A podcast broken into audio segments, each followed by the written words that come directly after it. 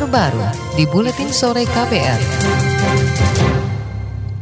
Saudara Partai Amanat Nasional PAN siap bergabung dalam pemerintahan Jokowi Amin. Wakil Ketua Umum PAN Bara Hasibuan mengatakan keputusan arah koalisi itu ditentukan saat rapat kerja nasional Rakernas PAN bulan depan. Nah, sebentar lagi PAN kemungkinan akan melakukan Rakernas, tapi dengan hasil tadi malam itu yang secara resmi uh, Pak Jokowi memang menang, sudah menang ya, sudah uh, tinggal diresmikan oleh KPU uh, maka uh, saya bisa mengatakan PAN siap untuk membantu dan uh, mengawal Presiden Jokowi untuk memimpin sampai Wakil Ketua Umum PAN Bara Hasibuan menilai koalisi PAN dan Gerindra otomatis selesai saat Jokowi Amin dinyatakan sebagai pemenang Pilpres 2019.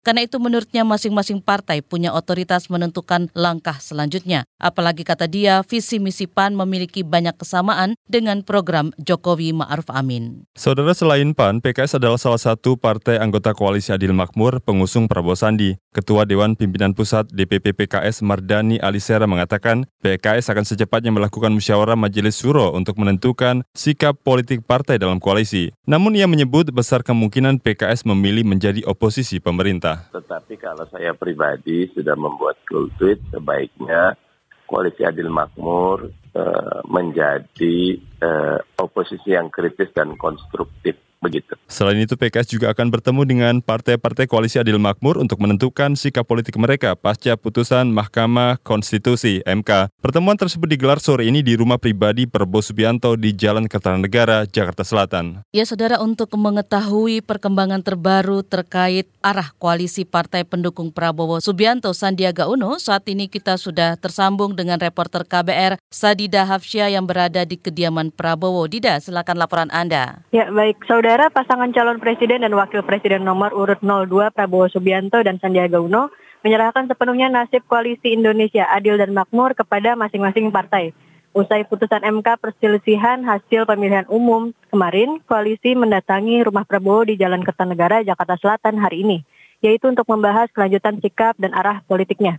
Mulai pukul 2 siang tadi, koalisi pasangan calon 02 mulai berdatangan. Beberapa di antaranya Sekretaris Jenderal Partai Demokrat Hinca Panjaitan. Dari Partai Gerindra juga diwakili oleh Sekjennya Ahmad Muzani. Ada juga Sekjen um, Partai Amanat Nasional atau PAN yang mewakili partainya yaitu Edi Suparno. Sebelum masuk ke kediaman Prabowo, Sekretaris Jenderal Partai Demokrat Hinca Panjaitan menyampaikan salah satu poin yang akan dibahas adalah hasil diskusi Prabowo dengan tim kuasa hukum Paslon 02, yakni apakah masih ada upaya hukum lain yang dapat dilakukan dalam penetapan Presiden 2019-2024.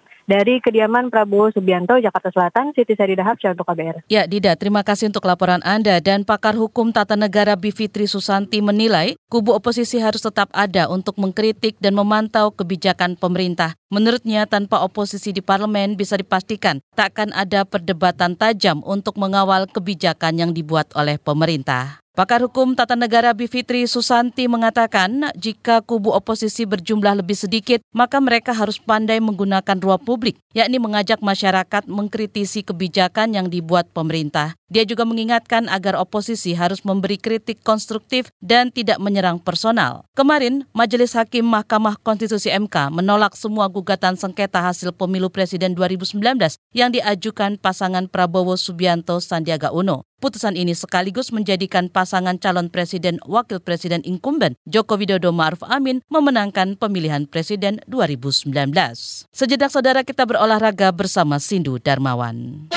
KPR Sport.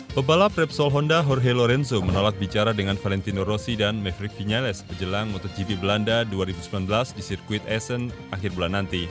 Hubungan Lorenzo dengan Rossi dan Vinales memburuk setelah kontroversi di MotoGP Catalunya dua pekan lalu. Ketika itu, Lorenzo membuat Rossi dan Vinales serta pebalap Ducati Andrea Dovizioso gagal finish karena kecelakaan di lap kedua. Kecelakaan yang dialami Lorenzo hingga membuat Vinales, Rossi, dan Dovizioso terjatuh, menguntungkan rekan setim Xfuera di Repsol Honda, Mark Marquez. KPR Sport. Timnas Brasil ke semifinal Copa America 2019 setelah menang lewat adu penalti 4-3 atas Paraguay di Stadion de Gremio, Porto Alegre, Jumat pagi tadi. Laga babak pertama, nyaris tak ada peluang emas sehingga berakhir tanpa gol. Jalannya babak kedua, wasit sempat menunjuk titik putih pada menit ke-54 saat Fabian Balbuena menjatuhkan Roberto Firmino. Namun, wasit membatalkan keputusan penalti untuk Brasil setelah melihat video assistant referee atau VAR pada menit ke-56.